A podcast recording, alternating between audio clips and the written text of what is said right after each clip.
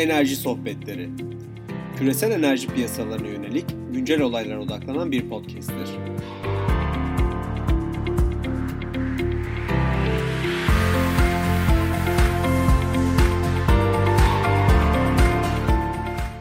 Merhaba 15 Haziran 2020 tarihinde çok değerli bir konuğumuz var ve onunla çok değerli bir e, yeni podcast serisine başlıyoruz. Enerji Jeopolitiği 101 ve Mehmet Öğütçü ile birlikteyiz.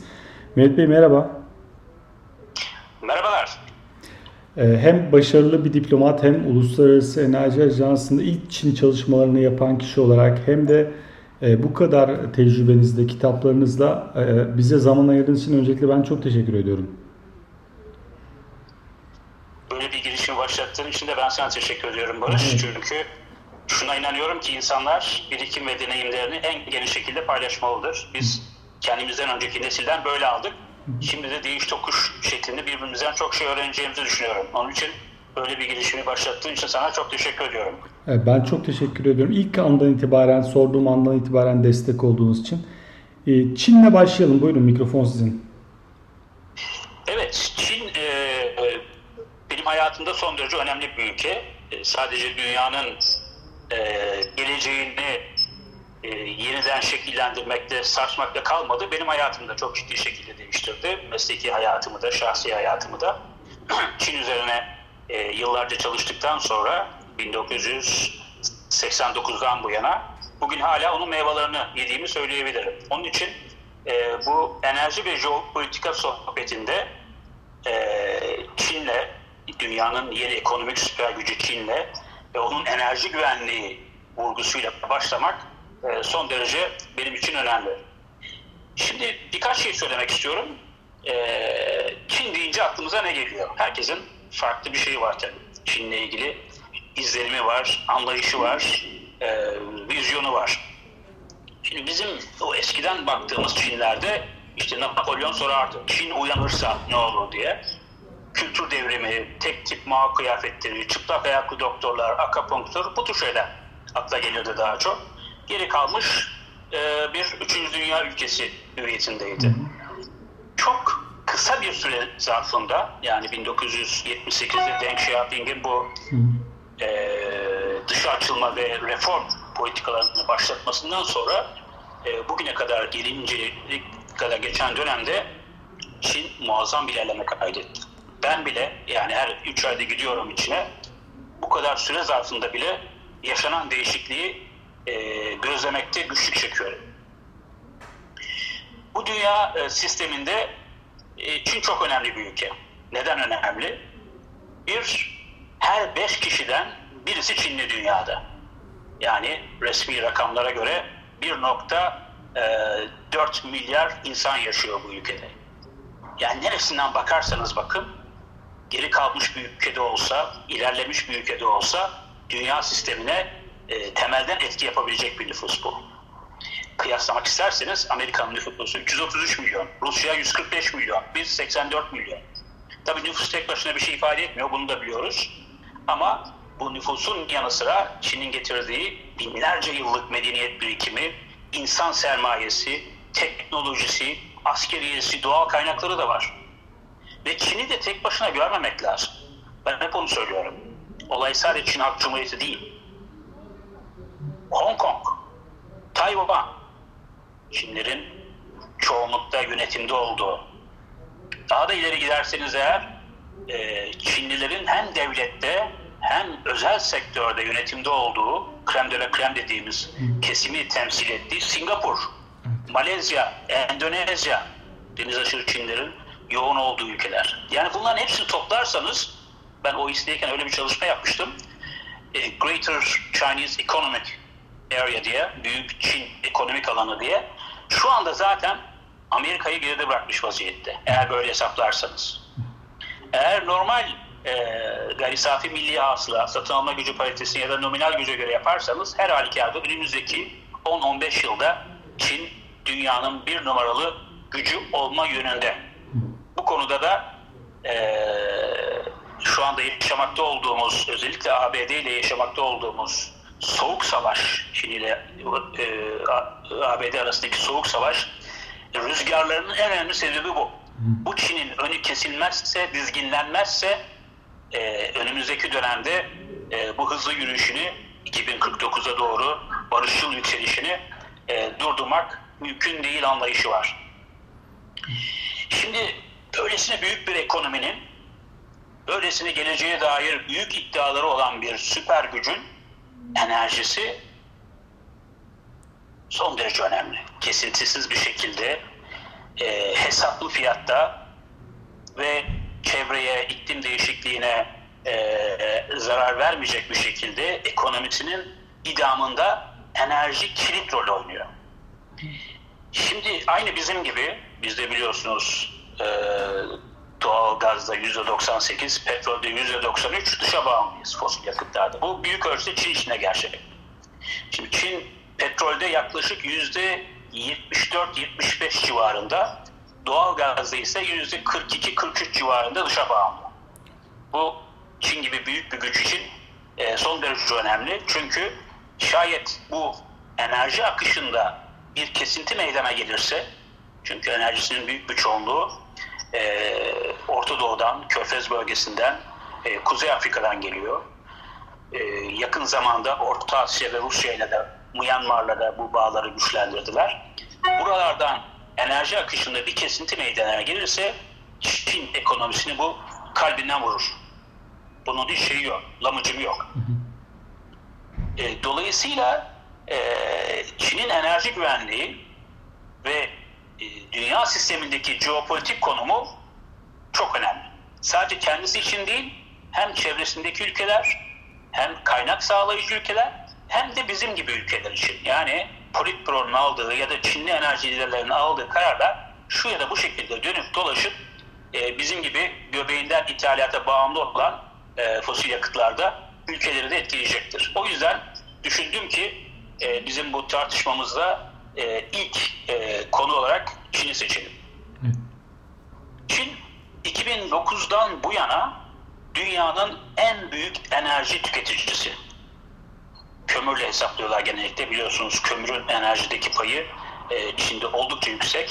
Bir ara %80'ler civarındaydı ama bilinçli bir çalışmayla yenilebilir enerjinin de devreye girmesiyle kömürün enerji karışımındaki payını şu anda %58 civarına çektiler.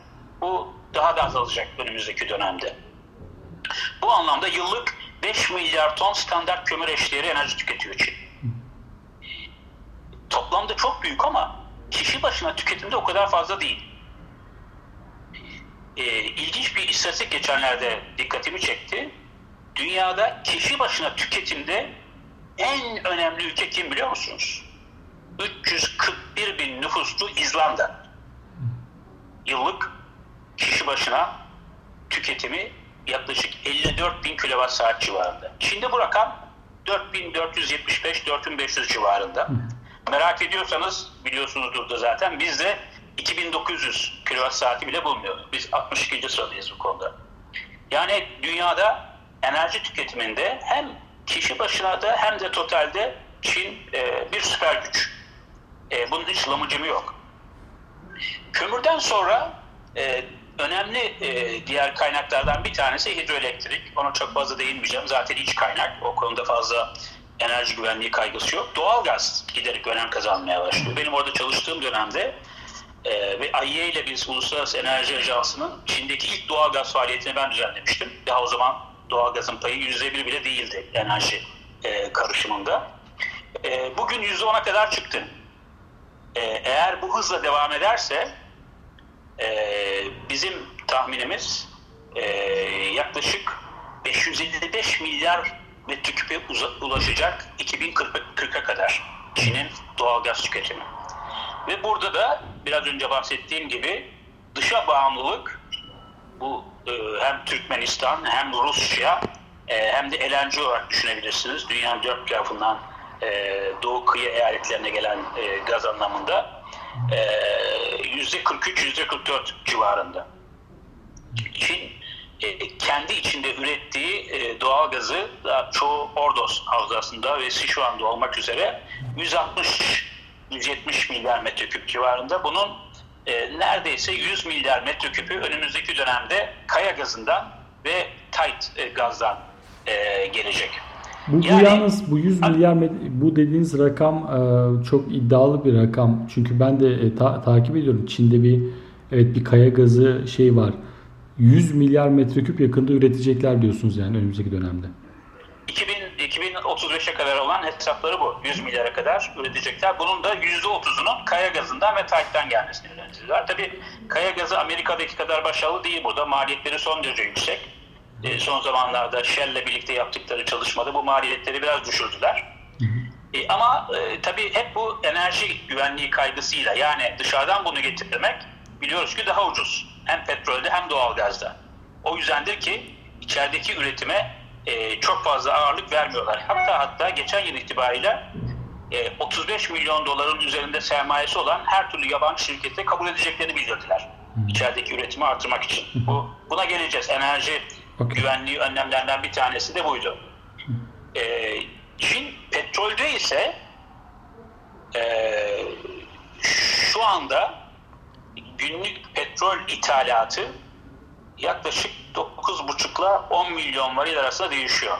Korona krizi öncesi dönemde 14 milyon varile kadar çıktığını gördük bunu. E, rafinerilerin kullanım oranı giderek artıyor. %40'lardaydı geçen Şubat'ta. Şu anda 70, %75'i buldu. E, tabii petrol piyasaları biz bunu e, e, Çin'in enerji güvenliği ile yazdığımız ilk kitapta ortaya koyduğumuzda e, 2030'a kadar 10 milyon varili bulur demiştik ithalat kapasitesi ve Çin hükümeti ayağa kalktı. Siz bizim aleyhimize yapıyorsunuz, öngörülü çalışıyorsunuz. Dünya piyasalarını alt üst edeceğimiz gibi asılsız iddialar öne sürüyorsunuz. Bu bizim şeydi, tahminimizdi. Aslında Çinli arkadaşlarla da oturup konuştuktan sonra ortaya koyduğunuz bir tahmindi. Bu bile muhafazakar kaldı. Yani 2020'de 14 milyon varile kadar ki Suudi Arabistan üretiminden daha fazladır. E, Çin e, ithalat yapıyor.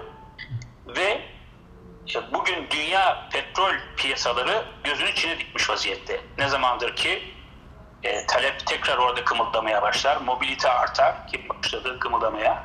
O zaman e, dünya petrol piyasasındaki arz fazlası eritilir diye düşünüyor.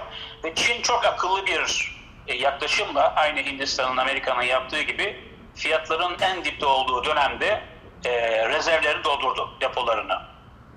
E, hatta Aramco ile ortaklaşa Hainan Adası'nda öyle bir şey yapmışlardı. Büyük depolar. Onların hepsi doldu. Yaklaşık e, Çin'in 80 günlük ihtiyacını karşılayabilecek kadar şu anda petrol stoklanmış vaziyette. Biliyorsunuz Uluslararası Enerji Ajansı'nın e, acil durum e, gereksinimi ülkelerin en az 90 günlük ithalatını karşılayacak kadar petrolünü stratejik rezervde tutmasını öngörür. Biz de bu hizmeti ta 1990'ların başında Çin'e vermiştik. Stratejik rezervler oluşturulması konusunu. Japonlar da o konuda çok e, bastırmışlardı. E, yani e, petrolde bir de e, sadece Körfez'e ve Afrika ülkelerine bağımlı olmamak için Rusya ile e, Doğu Sibirya hattı, Pasifik'e kadar inen bir hat var.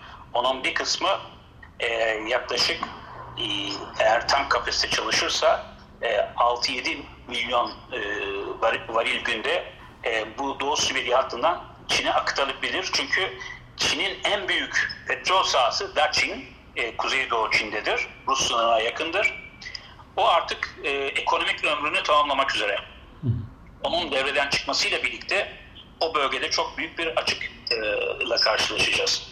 Bu açığı kapatmayı amaçlıyor aslında Çin'in Rusya ile yaptığı bu çalışma. Biliyorsunuz bir de Power of Siberia dediğimiz e, doğalgaz e, projesi var. E, biz ona uzun süre pipe dream olarak bakmıştık. Gerçekleşmez demiştik. E, çünkü Ruslar e, ve Çinler arasında ta ben orada olduğum dönemden bu yana müzakereler devam ediyor. Her defasında da %99 anlaştık diyorlardı. Nedir o %1 diye sorduğumda verilen cevap sadece fiyat konusu kaldı diyorlardı. O fiyatı çözememişlerdi ama galiba e, proje tamamlandı ve fiyat konusunda e, Çin e, bastırdı. istediği fiyatı koymuş oldu daha esnek. Hele dünyada fiyatların düştüğü bir dönemde e, bu konudaki müzakereleri iyi götürdüğünü söyleyebilirim. Şimdi yenilebilir enerji tabii Çin için e, kritik önemli. Hepimiz için olduğu gibi. İki anlamda önemli. e, bir taşla iki kuş e, vurma meselesi. Birincisi e, Çin biliyorsunuz dünyada en fazla karbon emisyonu yayan ülke. Karbondioksitte e, iki numarada Amerika var. Sonra Hindistan, Rusya gidiyor. Çin bir numara. Biz yıllar boyunca Çin'e baskı yaptık. Yani kömürden temiz kömür teknolojisine geçin, yenilebilir enerjiye, doğalgaza geçin diye. Çin bunu gerçekleştirdi kendi içinde. Bizim baskılarımıza da gerek kalmadan. Hatta şu anda Amerika'nın biliyorsunuz e, Paris Konvansiyonu'ndan çekilmesiyle birlikte e, Çin adeta iklim değişikliğinde de yapacak hala çok e, e, işi olmasına rağmen dünyanın bir numaralı lideri olma yolunda. Sadece emisyonda değil, aynı zamanda iklim değişikliğine karşı mücadelede e, inisiyatifi ele geçirmiş vaziyette. Yenilebilir enerjide e, hiç kuşkusuz hem rüzgarda hem e, güneş enerjisinde hem elektrikli araçlarda e, şu anda e, dünya lideri konumunu koruyor. E, teknolojide e, özellikle Doğu eyaletlerindeki e, tesislerde görüyorsunuz, araştırma merkezlerinde görüyorsunuz. OECD ortalaması yüzde üç kadardır. Gayri safi milli hasılanın ARGE'ye ayrılan bölümü. Bu e, Çin'de üç uçağa kadar çıktı. O yüzdendir ki yapay zekada, uzay teknolojisinde, yenilebilirde, araçlarda, e, biyoteknolojide e, Batı'nın Çin'le mücadelesi, re- rekabet etmesi çok çok zor hale gelmiştir. Hatta yakın dönemde ayın e, güney e, kutbuna e, e, sık sık gidip gelecek bir e, Çin e, uzay seferi öngörülüyor. Bunun için üç tane özel e, Çin şirketi kuruldu. İnsanları da uzaya çıkartmayı hedefleyen. Okyanuslarda aynı çalışmalar e, yürüyor.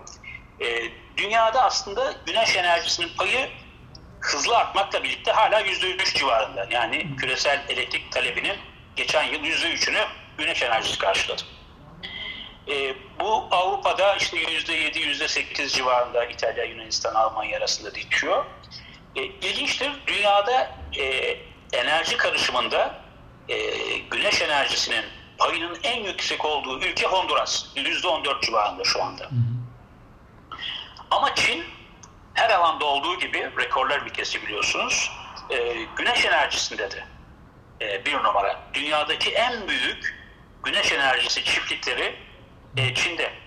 Ben geçen yıl gittiğimde e, bu Kuşak Yol Projesi'nin Uluslararası Danışma Kurulu üyesiyim. Bizi götürdüler, gezdirdiler.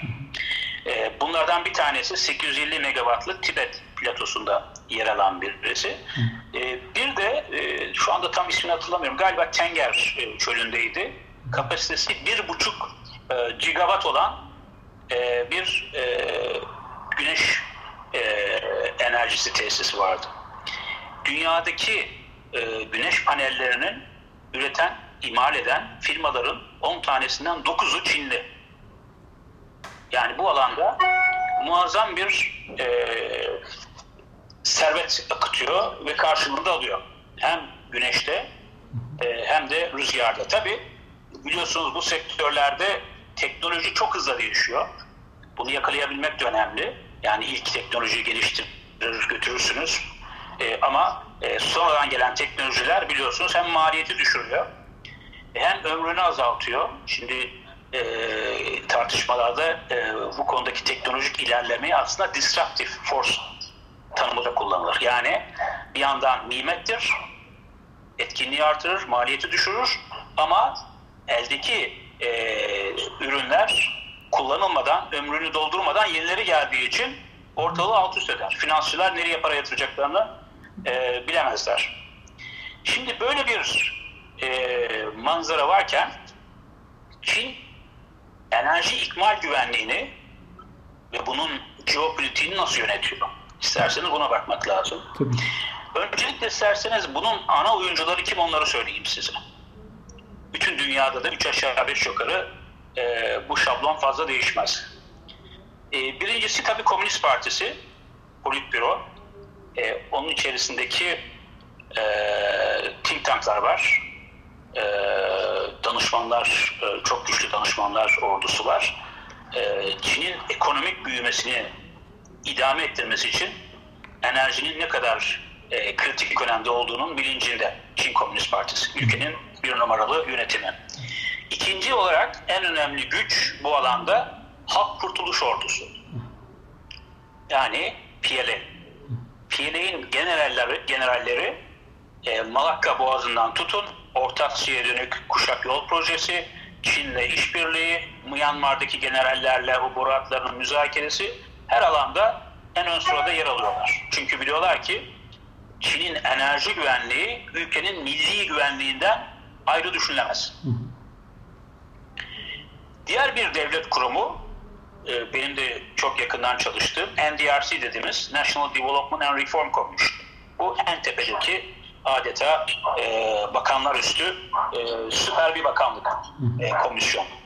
Çin'in önümüzdeki 5 yıllık, 10 yıllık planlamasını yapan, reformlarını gerçekleştiren, hele hele bunun altında bir de National Energy Administration dediğimiz e, bakanlığı e, e, temsil edilen, hatta bundan iki, iki öncesi bakanın bir Uygur olduğu e, bir yapı.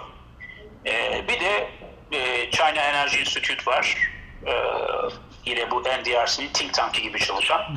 Ama üç aşağı beş yukarı hükümetin alacağı kararları, geleceğe dönük uyarıları, teyakkuzları e, hazırlayıp karar alıcıların önüne sunan üç aşağı beş yukarı aynen kabul edilen bir e, think tank. Başında da e, Joe Dadi, Fengzi vardı. Ve bunlar kalıcı kurumlar. Yani gelip böyle 3 ay, 5 ay, 3 yıl, 5 yıl sonra giden değil. İnsanlar orada ben hala çalışıyorum. Aradan 30 yıl geçmiş. Yine aynı insanları görüyorum. Tabii gençler de geliyor. O kuşak olarak devamlılığı sağlıyorlar. Şimdi e, ben incelediğim zaman bu kuruluşların enerji güvenliğine nasıl baktıklarını, jeopolitik e, dinamikleri nasıl yönettiklerini şunu görüyorum. Yaklaşık 10-12 tane temel ayağı var bu politikaların.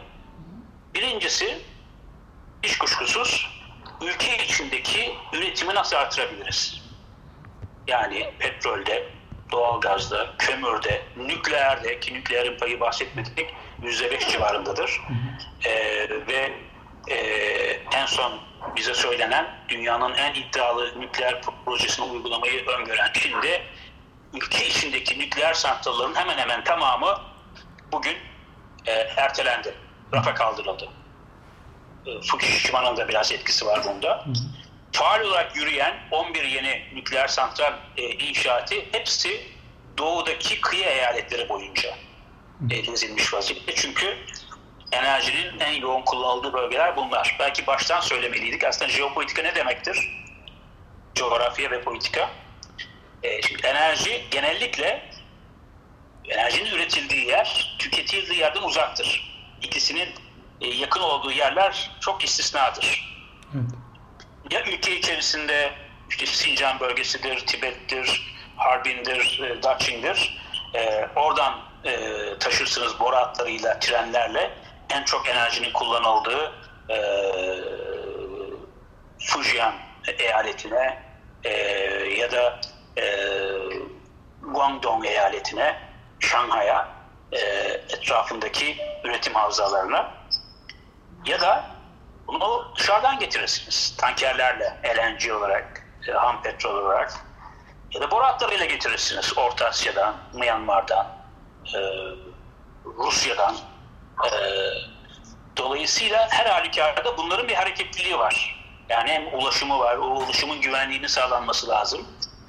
E bir de ülke içindeki üretimi artıralım da eğer üretim maliyetleri çok yüksekse uluslararası fiyatlardan o zaman bunu geciktirmekte fayda var. Uluslararası piyasalardan daha ucuz elde edebiliyorsanız ona ağırlık vermek lazım. Depolamaya ağırlık vermek lazım. E, Çin'de iç üretimde özellikle e, fosil yakıtlarda e, CNPC onun e, uluslararası ayağı PetroChina'ydı. Şu anda en büyük güç bence PetroChina. E, Sinopec rafineri ayağı da var. E, Sinop, China National Offshore Oil Corporation. Bir de yeni yeni palazlanan her eyaletten çıkmakta olan e, petrol şirketleri var. Çoğu özel ya da eyaletlerin sahip oldukları.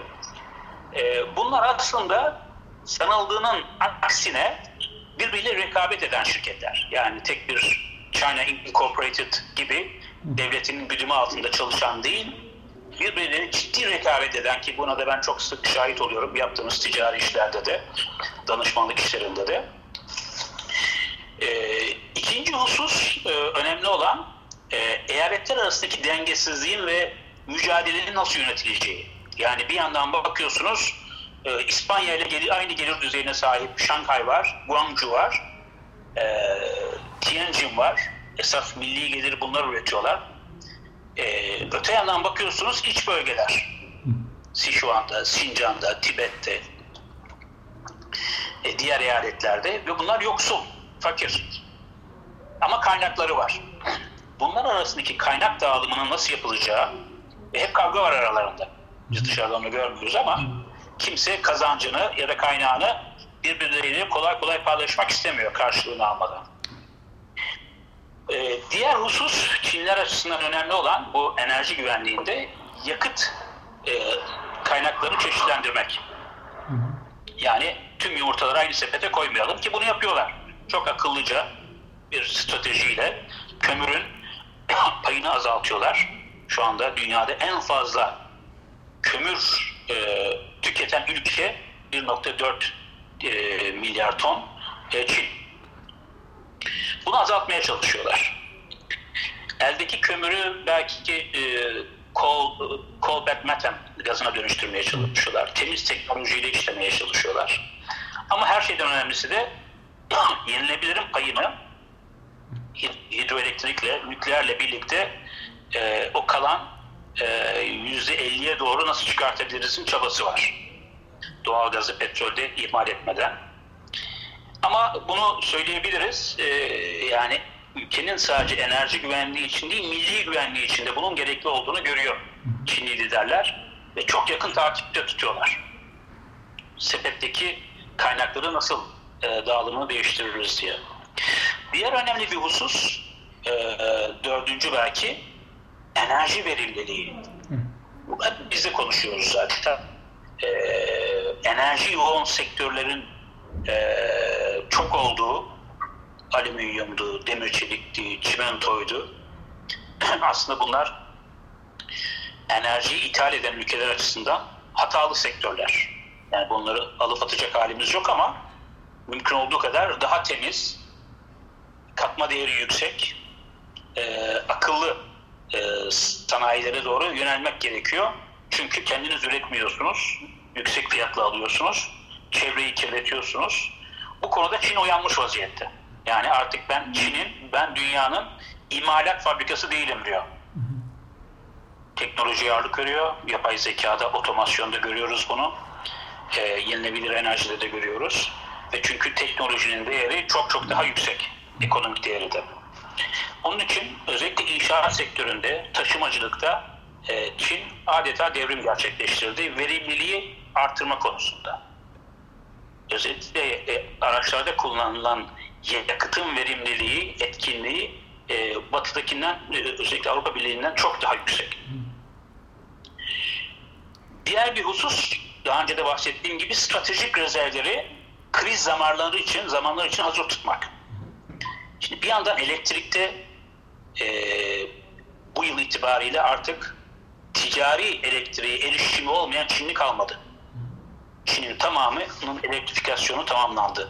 Hatta hatta kapasite fazlası var elektrikte. Evet. E, petrolde, doğalgazda e, ise e, çoğu dışarıdan geldiği için yüzde 73, yüzde 43 e, bunun depolanması için e, aynı bizim Tuz Gölü'nde ve e, Trakya'da yaptığımız gibi çok büyük e, depolar e, inşa edildi.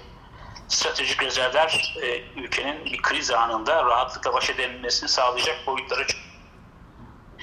Bence en önemli e, enerji güvenliği tedbirlerinden bir tanesi de e, Çin'in şirketlerini yurt dışında petrol, doğal gaz sahalarına, elektrik santrallarına, iletişim hatlarına yatırım yapmaya teşvik etmesi. Go abroad dedi ve Çin, China uh, Development Bank'ten ve diğer bankalardan çok cazip krediler sağladı. E, ve Çinliler bugün Afrika'dan Latin Amerika'ya, Kanada'dan Avrupa'ya, e, Orta Doğu'ya, ASEAN ülkelerine varıncaya kadar birçok yerde Orta Asya'ya, Kazakistan'da, Türkmenistan'da, Özbekistan'da, hatta Kırgızistan'da büyük yatırımlar yaptılar. Bunların kimi sıfırdan Greenfield dediğimiz yatırımlar, kimileri ise mevcut işletmelerde equity, iştirak payı alarak yapılan yatırımlar. Başlangıçta bu konuda çok beceriksiz ve deneyimsiz oldukları için büyük paralar heba edildi, büyük zararlara uğradı. O yüzdendir ki şimdiki Cumhurbaşkanı Xi Jinping no nonsense bir lider. Yani hiç öyle e, boş e, lafa gelmeyen, her şeyi detayıyla inceleyen, rüşvetin yolsuzluğun kökünü e, kazımaya çalışan e, bir lider. Bu bir ara e, durdurdu Çin'in yurt dışı yatırımlarını. E, çünkü e, doğru yere gitmediğini ve büyük zararlarla karşılaşıldığını görmüştü. Hepimizin umudu özellikle e, doğal kaynakların e, alınması, satılması, birleştirilmesi, finansmanı gibi konularla çalışanlar açısından son iki buçuk üç yıl zor geçti. Çünkü Çinliler piyasada yoktu doğru düz. Eldeki yatırımlarını konsolide etmeye çalıştılar. Gelen haberler doğruysa eğer önümüzdeki dönemde e, Çin tekrar canlandıracak. E, hem de bu kuşak yol projesinin e, farklı ayaklarında kullanacak şekilde. E, diğer husus iklim değişikliği bahsettim ondan e, ve yerel çevre sorunları. Çinler için bu daha önemli. Yerel çevre sorunları iklim değişikliğinden. Çünkü o e, toz duman bulutunun altında yaşıyorlar. Toprakları, e, suları kirleniyor.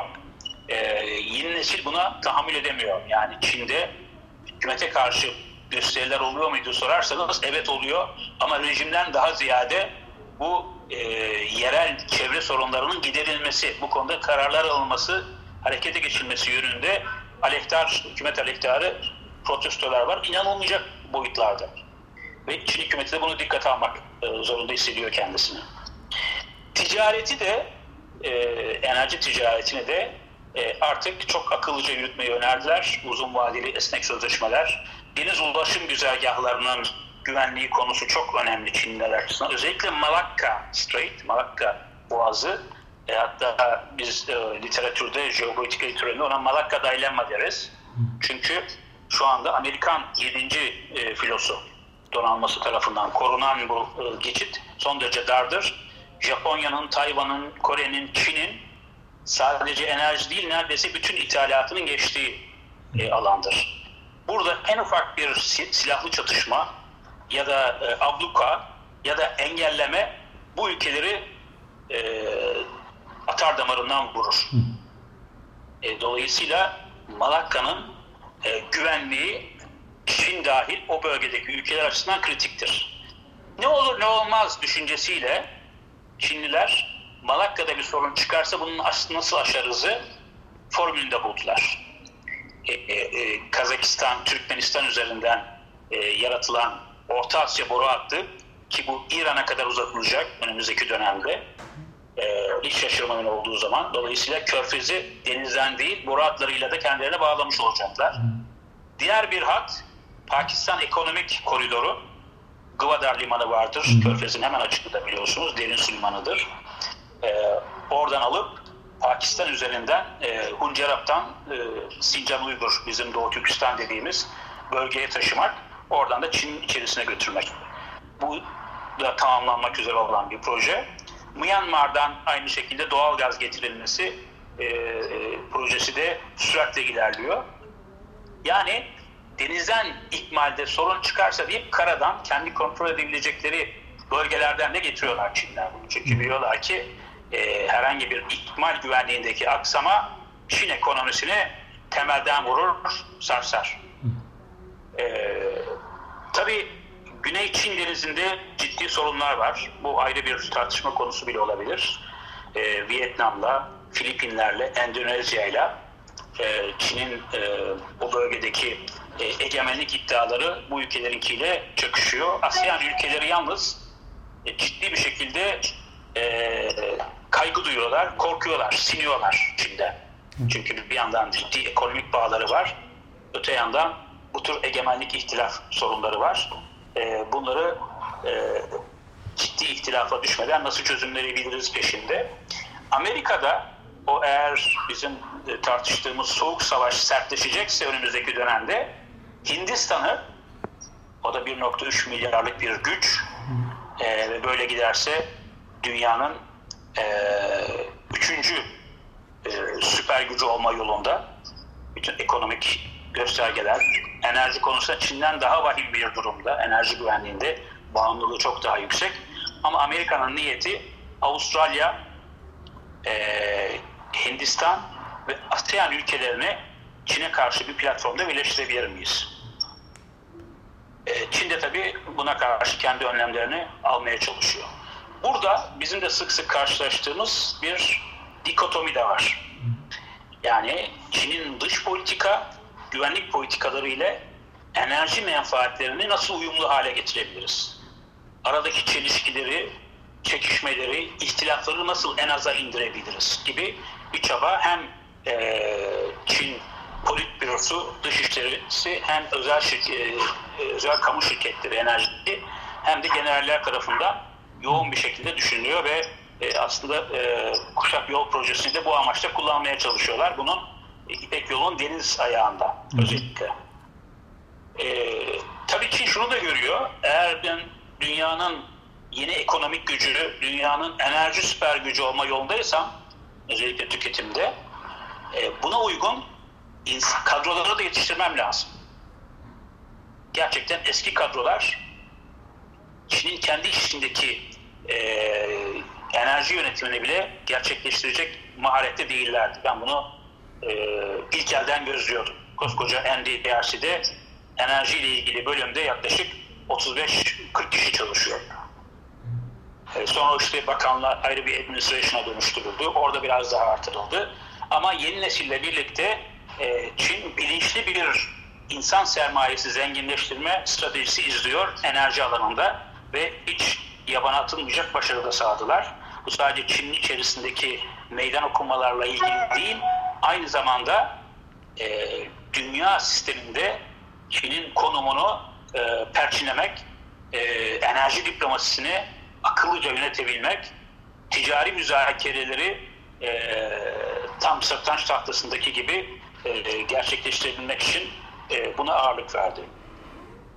Dolayısıyla şunu söyleyebiliriz ki e, dünyanın en büyük gücü olma yolundaki Çin enerji ikmal güvenliğini ve bunun jeopolitik yönetimini e, dışarıdan gözlediğimiz kadarıyla başarıyla yürütüyor.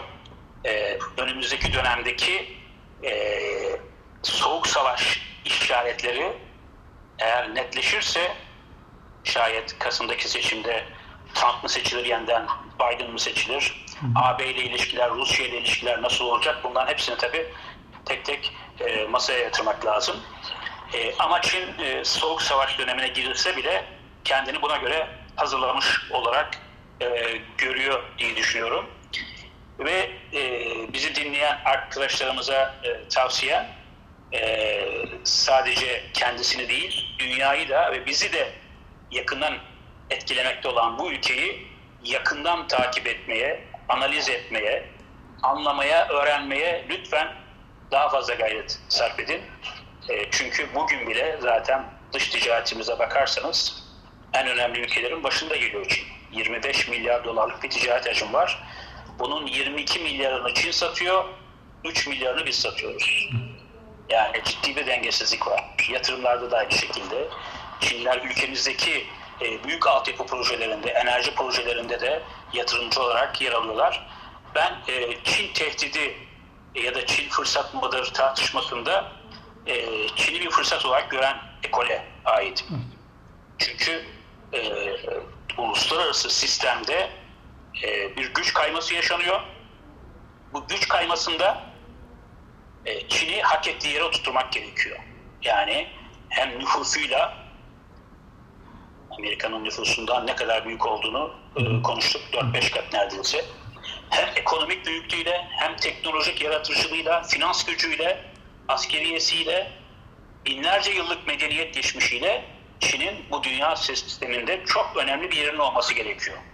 Ve mevcut e, hakim tepelerde oturan güçler de kendilerince haklı gerekçelerle ellerindeki gücü kaybetmek istemiyorlar. Bu sistemi daha da gerginleştiriyor. E, soğuk savaş iddialarına yol açıyor. Benim kanaatim er ya da geç Çin ve Hindistan ve Endonezya, Brezilya, Türkiye gibi bölgesel güçler küresel e, satranç tahtasında e, yönetim kurulunda hak ettiği yeri alacaktır.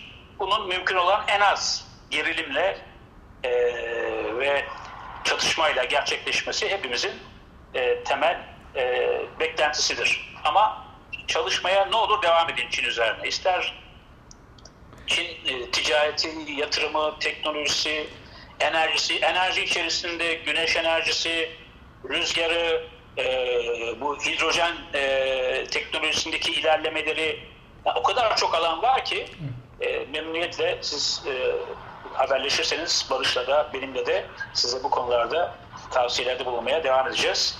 Ben, Ben müsaade ederseniz bu kadar sonuçlandırmak istiyorum. e, ben o zaman hemen sorular alayım. Tüm sorular tabii ki benden olduğundan ben soracağım. Özellikle e, Çin takip eden arkadaşlara yayın önerir misin? Mesela South China, Beijing Review. Çünkü ben şöyle bir şey görüyorum. Siz de görmüşsünüzdür yıllarca Paris'te kaldınız. Bir ne diyelim daha Anglo-Sakson kaynaklardan gelen bir Çin var. Bir de Çin'in kendi propaganda ettiği Çin var. Ve e, aslında Çin'de detaylar sanki daha önemli. Bunun için neleri, hangi kaynakları kullanalım? Akademik yayınlar işe yarar mı? Bir önerileriniz var mı? Evet bu güzel bir soru. Gerçekten dediğin gibi şimdi batılı yayın organlarında okuduğum, e, izlediğim kaynakları gidip yerinde e, test ettiğim zaman çoğunun sınıfta kaldığını görüyoruz. Hatta e, anlı şanlı Economist'i, Financial Times'dı bile. E, ama sadece Çin kaynaklarında izlerseniz işte propagandanın izlerini de görüyorsunuz. Ciddi istatistikler yok. Değerlendirmeler bir süzgeçten geçiriliyor, self sansürden geçiriliyor. Bunun arasını bulmak tabii, tabii ki bizim muhakeme gücümüze bağlı ama benim gördüğüm kadarıyla e, Hong Kong'da, Singapur'da e, bu konularda çalışan e, son derece değerli uzmanlar da var. Memnuniyetle onların kaynaklarını da size tavsiye ederim. South China Morning Post dediğiniz gibi nispeten Çin konusunda ön yargılı olmakla birlikte Tiananmen olayları e, sonrasında e, yine de e, değerlendirilebilecek kaynaklar. Yani burada e, sizin muhakeme gücünüz zaten en önemlisi e, bence o. Değişik kaynaklara tarayıp e, bir sonuç çıkartıyorsunuz. Ama akademik çalışmalar nedense çok çok geriden geliyor. Tabii bu hakemlik sistemini de biraz yayınlamanın da yayıncılığın da geç olmasından dolayı. E, onun için böyle Çin'le ilgili çalışma yaparken yani e, verilerin çoğu 2-3 yıl eski e, oluyor ne yazık ki. Onun için hele elimizde artık Google Hazretleri de olduğu için kütüphanelere erişebildiğimiz için e, Amerika'da çok değerli kaynaklar var. Buradan belki ön yargılı olanları süzüp siyasi olanları da bir köşeye bırakıp e, bizi asıl ilgilendiren verilere, değerlendirmelere ulaşabiliriz diye düşünüyorum. Yani bu konuda hiçbir sıkıntı yok bildiğim kadarıyla. Peki bir soru da iki kaynak hakkında sorayım. Ee, bu Covid'den önce de bildiğimiz kadarıyla Çin istihdamı arttırmak için e, kömüre önem verecekti.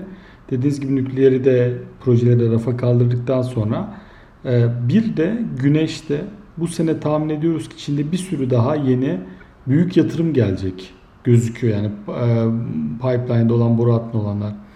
Çin Covid sonrası batıda olan bir tartışmayı Çin'e uygulamak istiyorum. Çin yeşil bir dönüşüm fikri var mı?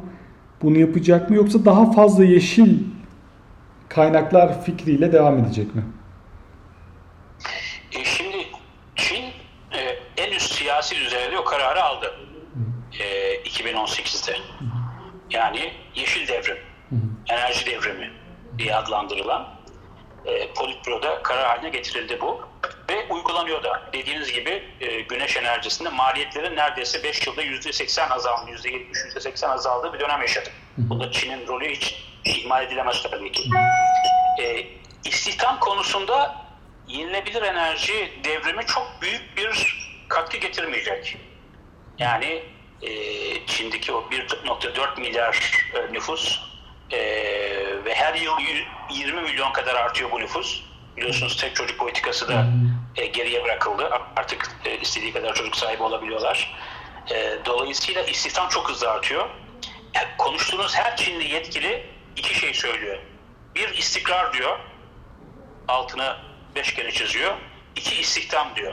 Yani gerekirse maliyetinin altına değişik yaparız. Ama istihdam sağlasın. Çünkü bu ülkenin idamesi, istikrarı, güvenliği açısından en önemli husus. Ama yani e, rüzgarla, güneşle, nükleerle Çin'deki istihdam artırmanız mümkün değil. Artık ucuz imalat merkezi olmaktan da çıkmak istiyor. Otomasyona döndükçe, yapay zekaya döndükçe biliyorsunuz istihdam edilen insan sayısı azalıyor. Evet. Burada insan e, kaynağının kalitesini artırmak önem kazanıyor. E, Batı'nın karşılaştığı bu sorunu Çin kat be kat yaşayacak. E, nüfus yaşlanıyor, sosyal güvenlik sistemi çökmüş vaziyette. E, e, istihdamı da eskiden olduğu kadar artıramıyorlar. Biliyorsunuz büyüme de artık yeni normal %7'nin altına düştü. Evet. Önümüzdeki 5 yıl %6 civarında büyüme öngörülüyor. Ben orada yaşarken %14'leri, %15'leri görmüş bir kişiyim. E, bence de Çin'in mevcut istihdam ihtiyacını karşılayabilmesi için minimum büyüme oranı %7'dir. %7'nin altına düştüğü anda zaten e, gerileme başlamış demektir. Bu anlamda çok önemli bir noktaya e, işaret ettiniz. Bu Çinli liderlerin kafasını en fazla meşgul eden konulardan bir tanesi. Ve elden geldiği kadar, buna da dikkat edelim, Çin sadece teknoloji ve e, rekabet gücü yüksek ürün ihraç etmiyor, Çinli ihraç etmeye başladı. Bugün e, Rusya'nın e, Sibirya steplerinde e, milyonlarca e, kaçak Çinli yaşıyor. Bugün Fransa'da, İngiltere'de ölen Çinlinin e, Çinliler daha doğrusu hiç ölmüyorlar. Hemen ölenin kimliği başka bir Çinliye geçiriliyor. Kimse fark etmiyor bile doğrusu. E, yüzler, simalar aynı görüldüğü için. Amerika bunu engellemeye çalışıyor. Şu anda Amerika ile Çin arasındaki ticaretin ki yıllık 350 milyar dolara varan bir açık var orada. Trump bunu kapatmaya çalışıyor haklı olarak. E, o ticaretin %60'ını da deniz aşırı Çinliler yapıyor. Nüfusu 90 milyon civarında şu anda. Çin bunu daha da artıracak. Yani dışarıya mümkün olduğu kadar daha fazla insan gönderecek. E, Benim orada büyükelçilikte olduğum dönemde herhalde e, Türkiye'deki Çinli sayısı e, iki elin parmaklarını geçmezdi. Şu anda siz daha iyi biliyorsunuz. Yani Çin'in e, bu Chinatown lokantacılık diploması, ticareti, e, kardeş kentler diplomasisiyle e, gittikleri yerde hızla çoğalıyorlar, büyüyorlar. Eğer kaliteli bir nüfussa bu e, bize e, ilave bir katma değer sağlayacaksa, zenginleştirecekse e, kültürümüzü, ticari yatırım ilişkilerimizi bundan memnuniyet duymamız lazım. E, ama kaba Çin gücü şu anda ve çiftçi 900 milyon nüfus kır, kır, kırsal bölgelerde yaşıyor Çin'de biliyorsunuz. Bu ülke için ciddi, ciddi bir e, tehdit iç güvenliğe ve istikrara. Mehmet Bey çok teşekkürler. Eklemek istediğiniz bir şey var mı? Teşekkür ediyorum. Bundan sonraki e, bölümde devam edeceğiz galiba. Evet, hafta- Körfez üzerine yanlış hatırlamıyorsam. Evet, haftaya pazartesi e, devam edeceğiz. Tekrar arkadaşlara hatırlatalım. Eğer gelecek hafta konu başlıkları ilgili soruları varsa bize Twitter'dan, Instagram'dan pek çok yerden ulaşabilirler. Sorularını bekliyoruz. Biraz daha interaktif olsun. Yani bize sorular dediğin gibi göndersinler. Ee, bizle doğrudan haberleşebilirler de. Elim, e, elimizden geldiği kadar, e, zamanımız el verdiği kadar memnuniyetle onlara yol göstermeye, e, katkı sağlamaya çalışırız hep birlikte. Evet. Tekrar çok teşekkürler. Çok sağ olun. Evet, dinlediğiniz için teşekkür ederim. Enerji sohbetlerini Anchor, Spotify, Apple ve Google platformlarından takip edebilirsiniz. Web sitem üzerinden de iletişime geçebilirsiniz. Bir sonraki bölümde görüşmek dileğiyle. Hoşçakalın.